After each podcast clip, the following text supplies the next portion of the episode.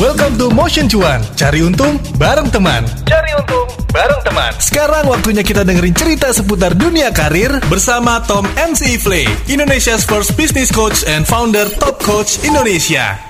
Balik lagi di Motion Cuan Yes. So langsung aja tanpa basa-basi The one and only ada Coach Tom Halo Coach Tom. Halo.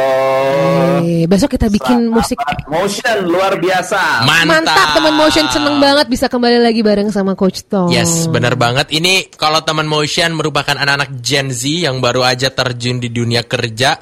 Kemarin satu fenomena namanya quiet quitting nih lagi rame diperbincangkan Coach Tom. Iya, Apa nih iya, iya. artinya quiet quitting kan quiet itu diem quitting keluar. Apakah diem-diem keluar atau seperti apa Coach Tom? Jadi quiet quitting ini kalau bahasa Indonesianya adalah diam-diam berhenti atau berhenti diam-diam. Oke Mereka mereka mereka ini ini adalah satu fenomena yang munculnya adalah di dunia pekerjaan.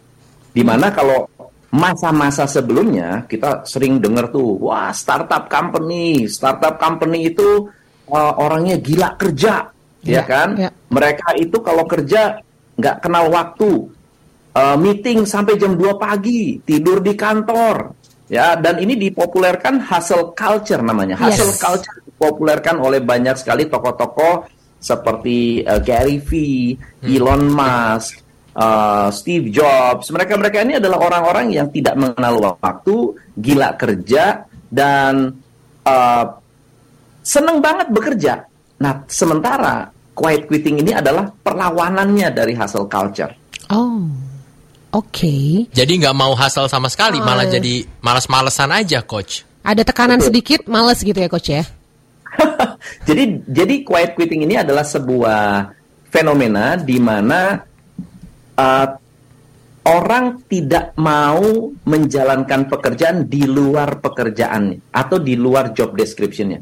Ini ada satu cerita. uh, jadi awalnya saya lihat satu video dari Z Zaid Lepelin di banyak sekali di TikTok Iya. mem- meng- apa ya me- mengeluhkan tentang ngapain kita uh, going and above beyond at work gitu. Oke. Ngapain kita melakukan ini buat apa? Kita kena mental, kemudian stres, apa manfaatnya gitu.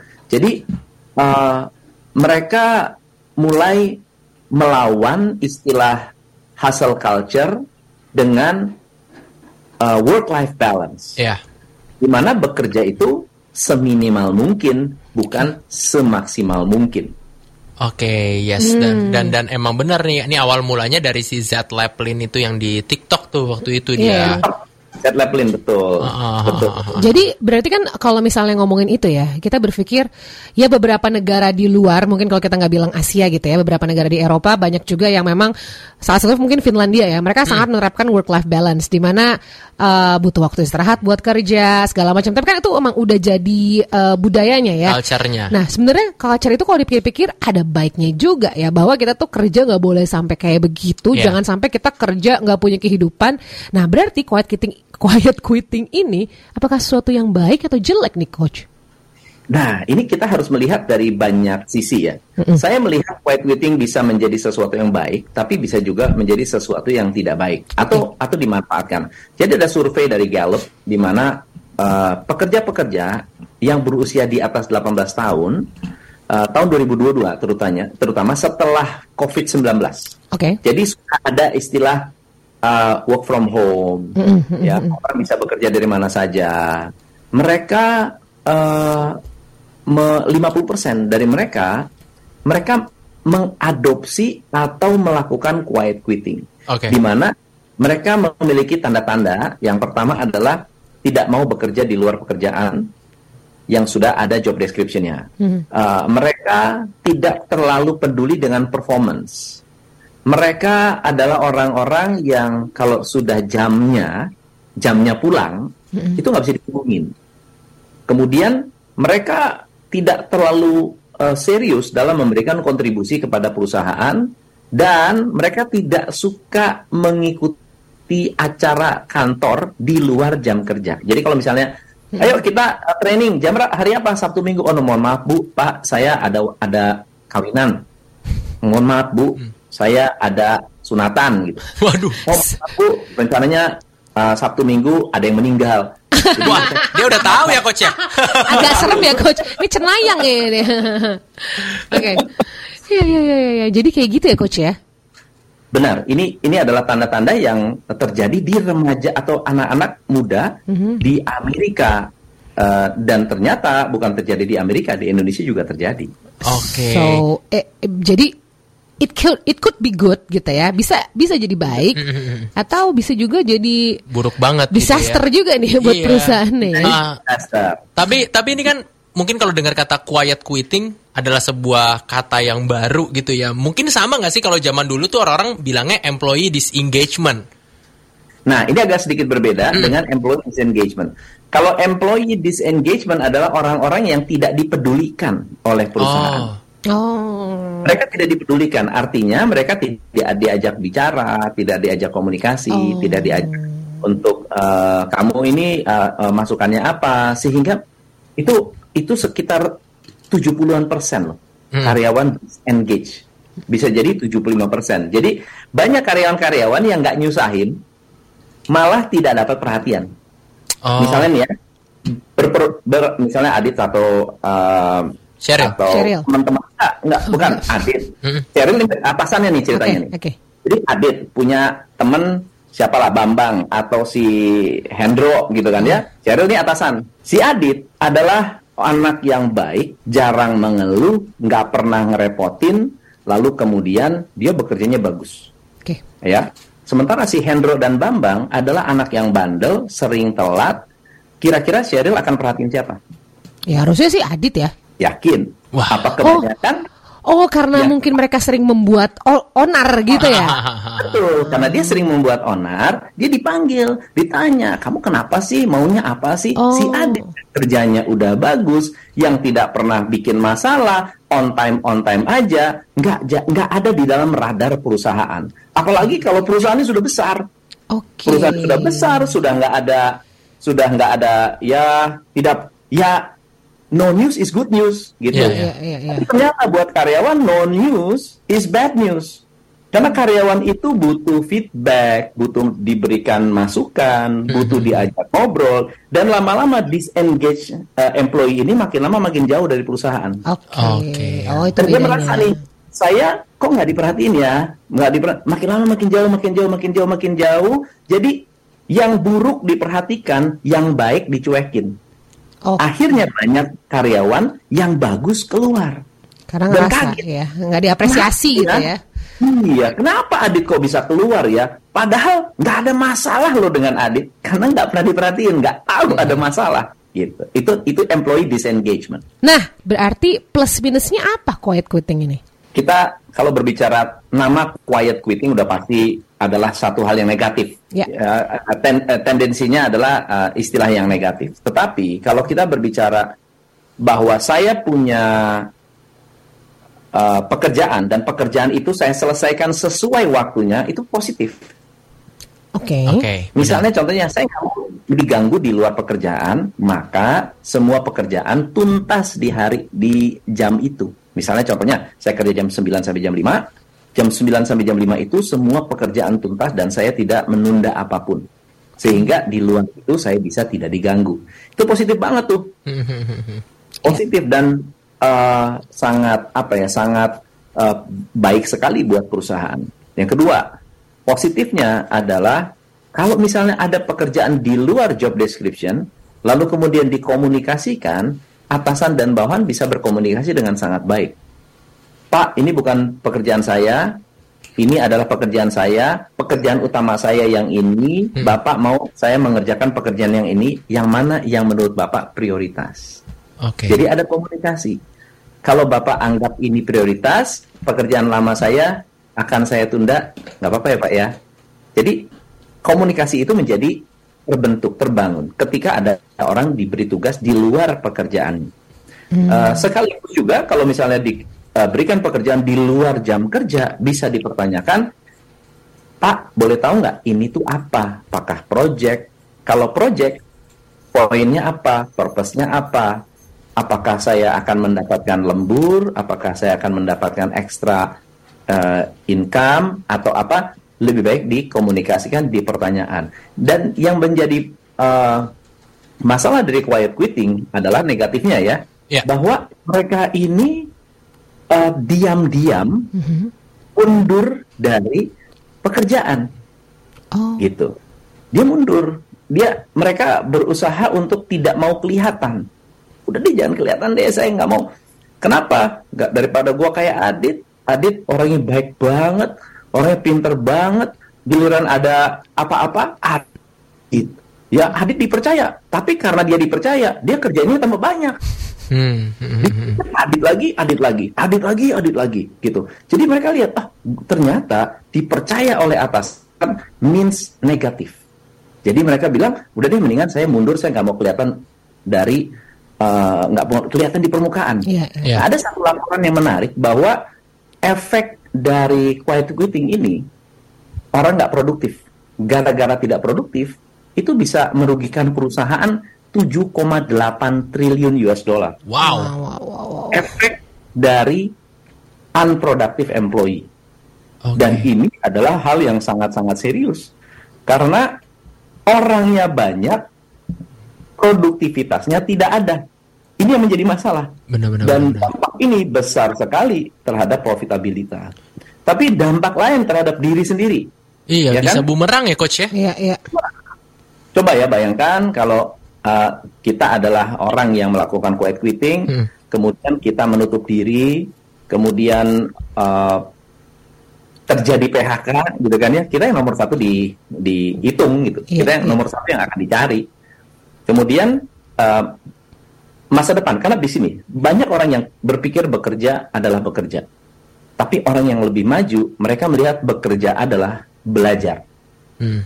mereka dengan senang hati menerima uh, pekerjaan yang besar karena ini adalah momentum mereka untuk belajar Iya. dan momentum untuk belajar ini nggak balik. Misalnya contohnya, saya waktu masih muda bersyukur sekali saya punya kerjaan lebih daripada job description saya. Saya bersyukur sekali. Kalau enggak, saya nggak jadi kayak sekarang. Kalau dulu saya 9 to 5 aja, seperti teman-teman saya yang lain, masih 9 to 5 sampai hari ini Hmm. masih 9 to 5. Nah, waktu itu saya berpikir bahwa bos butuh apa, I help. Saya bahkan men- menawarkan diri, Pak, ada yang perlu saya bantu nggak? Kalau perlu saya bantu, saya bantu. Wah, Tom nggak bisa, Tom. Kita ada masalah nih, ada masalah dengan grup. Mau harus nunggu di airlines jam 7 pagi. Waduh, Pak, saya tinggal di Bogor. Gimana caranya ya? Ya udah deh, Bapak nggak usah pusing deh. Saya tinggal di kantor. Saya tidur di kantor. Pagi jam 7 saya sudah di Air- airlines untuk nongkrongin untuk dapetin seat di Hmm. uh, grup gitu ya, ditongkrongin gitu. Dan buat banyak orang harus ada kompensasinya. Iya. Kalau buat saya, pengalaman itu sudah cukup untuk membayar uh, kompensasi buat saya. Kenapa? Karena nggak ada yang bisa membayarkan itu selain daripada pengalaman tadi. Ada customer komplain yang uh, ngamuk-ngamuk, nggak ada orang yang mau handle. Saya nawarin, Pak, boleh nggak saya bantu? Bisa benar, bisa salah. Tapi kalau misalnya saya maju dan saya bisa menyelesaikan, saya dapat pengalaman. Saya nggak dapat uang, saya nggak dapat naik gaji, nggak dapat apa-apa. Saya dapat pengalaman. Dan pengalaman itu nggak dapat dari sekolah, bahkan nggak bisa dapat dari mana pun. Kalau kita bayar pun belum tentu bisa dapat. Setuju sih. Nah, jadi quiet quitting tidak mendapatkan experience itu. Mereka mendapatkan ketenangan sementara, tapi tidak mendapatkan pengalaman jangka panjang. Hmm. Oke, berarti daripada instead of menjadi seorang yang quiet quitter, mendingan yuk kita bisa kasih yang extra mile nih, yang lebih nih tentunya. Tapi aku ada ada ini deh, eh, menggelitik banget dari penjelasan eh, Coach Tom tadi. Itu menarik ya, karena bener banget semua pengalaman tuh nggak bisa dibayar dengan Setuju. uang, dan itu gue setuju. Tapi ada momen nggak di mana pada saat pengalaman-pengalaman itu dan kita oke karena kita pengen gitu ya. Ya. Ada momen di mana oke, this is time to stop karena udah over. Lebih dari apa yang bisa lo lakuin tuh kira-kira kodenya apa tuh? Sign-nya apa tuh coach? Betul. Jadi kalau saya eh, pertama adalah saya harus punya target jangka panjang. Hmm, oke. Jadi Oke. saya punya plan. Saya tuh, saya ingat banget umur 20, saya ditanya, lu mau jadi profesional atau mau ke mana? Saya punya goal umur 35 kalau saya tidak menjadi GM itu level yang saya aim gitu ya. Yeah. Kalau saya tidak jadi GM, saya harus jadi pengusaha. Saya harus buka usaha sendiri. That's my apa uh, turning point. Bisa tidak bisa, saya harus punya usaha di usia 35. Kira-kira gitu. Ternyata usia 32 level saya itu VP. Level saya VP. Tapi di usia 34 itu nggak bisa nahan. Saya harus buka usaha sendiri. Nggak Oke. bisa nahan. Passion ternyata ya. Udah, udah, udah, udah tidak bisa lagi di apa ya? Udah tidak bisa lagi dibilang oh karena inilah karena itulah. Itu sudah dorongan. Oke. udah udah dorongan dorongan untuk keluar udah mantep aja gitu Oke. dan setelah keluar udah segala macam yang saya tahu saya mengerti filosofi filosofi untuk menjalankan usaha itu dipraktekkan dan ternyata ya memang It berhasil. Wow. Kalau satu orang doang yang jadi quiet quitter mungkin orang masih menganggapnya sebelah mata coach kayak yang ya udahlah ya. Nih mungkin orang ini unik gitu ya. Unik. Tapi bisa nggak sih tuh dari satu orang jadi 10 orang, jadi 20, 100, 1000 Ah, ini orang COVID quiet apa quitter gimana semua. COVID? Modelnya kayak COVID. Hal yang negatif kan menularnya cepet ya. Ya. Iya, itu bisa Oh, nggak sih coach? sangat-sangat. sebetulnya yang positif kan lebih susah menular daripada yang negatif Betul. untuk membangun sesuatu yang positif kita harus membuang 10 hal negatif. Tapi Yes. sementara untuk satu hal negatif itu mudah sekali untuk eh, menular. Apalagi jika filosofi itu diobrolin diajak Oh. ngobrol. Misalnya lu kenapa? Ah enggak deh ngapain lu? Lu ngapain sih? Apalagi ada orang yang maju sendirian gitu ya. Ada 30 orang melakukan quiet quitter terus ada satu orang yang rajin banget itu pasti langsung jadi aneh tuh Bener. orang itu akan dianggap lu cari muka ya ngapain lu lu buat apa me- meng- apa ya ngorbanin diri kayak begitu lu emang digaji berapa sih lama-lama juga orang kalau dikasih eh, eh, apa informasi negatif seperti itu lama-lama juga akan menyerah apalagi kalau quiet quitternya adalah manajer sendiri supervisornya sendiri Waduh. itu bahaya sekali gitu. Iya sih. Jadi eh, karena pemicunya adalah nggak pernah dapat feedback, ya tidak mungkin nggak kena nggak ada kenaikan gaji, eh, tidak diajak ngobrol dan lain-lain sebagainya. Tapi ya ini bicara soal quiet quitting, eh, perusahaan juga bisa melakukan quiet firing. Oh. Yang sama. Gimana tuh coach? Nah, jadi perusahaan ada yang merasakan ini orang kayaknya sudah mulai menjauh nih dari kita nih. Kayak orang tuh kalau putus hubungan tuh udah mulai udah mulai berasa dah. Ini Hmm. orang udah nggak nggak klik lagi nih sama saya nih. Jadi perusahaan berusaha untuk mencoba mengeluarkan orang ini tanpa merasa bahwa eh, tanpa harus ngeluarin pesangon. Sebetulnya begitu. Gue Oke. oke deh. Oh, oh, oh. Adit ini pinter dia dia dia mencoba untuk melakukan bukan bukan Adit lah Adit Adit yang Iya, lain coach. ya. Kok saya Dia terus ya coach ya? Quiet quitting gitu kan ya. Terus ketahuan nih ini orang eh mulai mulai mencoba mengundurkan diri atau apa. Oke, gimana caranya supaya orang ini nggak betah? Oh, Dibuat iya. nggak nyaman ya.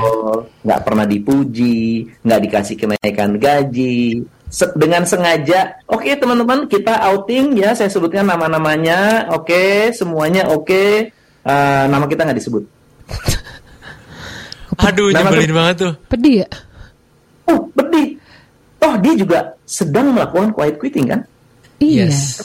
Wah kalau gua ajak si Adit belum tentu juga dia mau, jadi yaudah deh kita nggak libatkan. Ada project nggak dilibatkan, ada ini nggak dilibatkan. Akhirnya si karyawan ini merasa bener kan, emang nggak enak kerja di perusahaan ini. Mau dipertahankan udah gedek, udah merasa toxic, Benar benar benar benar. ya resign. Nah kalau udah resign itu bukan kemauan perusahaan, itu adalah kemauan pribadi. Yang nggak dapat pesangon ya? Betul nggak ada pesangon. Aduh. Serem juga ya dunia kerja ya. Maksudnya itu emang real life terjadi Betul, gitu di, di betul. kantor gitu kan. Wow. Wow, wow. Wah, Ini insight yang menarik sekali. benar-benar kita jadi dapat uh, perspektif dari macam-macam angle gitu ya. Berarti langkah solusinya apa nih coach? Katakanlah kita bagi dalam dua orang. Yang pertama, orang yang udah quiet quitter supaya dia bisa nggak jadi yang quiet quitter sama yang sampai sekarang belum jadi quiet quitter nih. Ini gimana mindsetnya nih supaya dia tetap nggak jadi quiet quitter coach? pada dasarnya bisa diperlakukan dengan cara yang sama. Yang pertama adalah semua orang sangat ingin berprestasi. Pada dasarnya manusia itu ingin berkontribusi. Tetapi ada orang yang bi- bisa dipaksa, ada orang yang senang diberi kebebasan. Ya. Maka step yang pertama adalah memberikan otonomi dan responsibility dan KPI yang jelas. Oke. Nah, jadi orang itu bisa berprestasi sesuai dengan koridornya. Kamu mau mengerjakan kapan? Terserah, yang penting KPI-nya tercapai. Itu yang pertama. Jadi jangan melakukan micromanagement. Micromanagement berarti dikit-dikit ditanya, dikit-dikit di cross check dan seterusnya, ya. Eh, ketika dia bilang, "Oh, saya bisa, Pak." Lalu kemudian ditanya ke orang lain, "Bener nggak dia bisa?" gitu. Jadi rasanya kok gua nggak dipercaya banget Iya, gitu. iya. Yang kedua adalah kita harus membuat orang bekerja dengan purpose yang jelas. Kamu purpose-nya kerja di sini ngapain sih? Kamu mau memang cari gaji aja, atau kamu mau cari pengalaman, atau kamu suatu hari mau jadi pengusaha? What is your purpose? Nah, ketika purpose ini clear, saya bantu kamu untuk mencapai purpose itu. Jadi ada komunikasi antara atasan dan bawahan dan tidak berlaku untuk quiet quitters. Ini berlaku juga untuk karyawan lainnya. Yes. Kita harus mengenal setiap karyawan tuh purpose-nya apa bekerja di perusahaan ini. Kemudian yang ketiga adalah membangun keterlibatan karyawan. Tadi cerita tentang employee engagement. Agar karyawan merasa dihargai, merasa bag- menjadi bagian, merasa didengar, dan kemudian mereka juga merasa bahwa kalau saya melakukan sesuatu, saya ini berkontribusi loh untuk perusahaan. Nah, yang keempat adalah kita harus mendengar uh, feedback dari mereka. Kita mau menjadi orang yang meng- uh, mendengarkan masukan dan juga mengoreksi kalau kita memang ada kesalahan. Terbuka ya, kita Coach, ya. dulunya. Mungkin sebagai leader kita pernah melakukan sesuatu kepada para quiet quitters ini sehingga mereka menjadi menjauh dari kita. Mungkin pernah pilih kasih atau pernah kecewa. Mungkin dulunya mereka pernah produktif tapi tidak mendapatkan perhatian. Banyak hal yang bisa terjadi. Dan kita bisa melakukan uh, remedy atau di- diobatin lah Iya. minta maaf kah atau mungkin bisa diperbaiki minta uh, second chance ya second chance untuk kedua belah pihak second chance untuk quiet quittersnya ya, I get I give you second chance you give me second chance yuk kita perbaiki bareng-bareng gitu Wow. Bener tuh. Beberapa Kayak, kayak pacar ya. Kayak dikasih. pacar dikasih kesempatan kedua coach. Kita kasih kesempatan tiga, keempat, kelima, wah nggak tahu diri nyata tuh ya coach ya. Tapi ini ilmunya mahal banget sih hari ini ya, dapat dari coach Tom. Selalu senang kalau ngobrol sama coach Tom tiap hari Senin dari jam setengah tujuh malam nih teman motion. Bisa nggak Karena- eh, ngobrol dua jam tuh bisa nggak kira-kira? Bisa, tapi anak takutnya ntar invoice-nya beda ya coach ya. Iya. Ngerinya itu. Tapi menarik banget. Jadi uh, buat kamu yang lagi dengerin sekarang teman motion, jangan pernah berpikir untuk jadi seorang uh, quiet quitter. Tapi kalau sekarang ngerasa lagi di posisi yang gue kayaknya quiet quitter deh. Tadi udah dijelasin beberapa hacks dari Coach Tom supaya Betul. kita bisa jadi yang lebih baik ya. Tapi tetap mencari work life balance that's okay Benar, ya. setuju, setuju Oke, banget. iya. Wow, Udah. udah. Udah kalau gitu.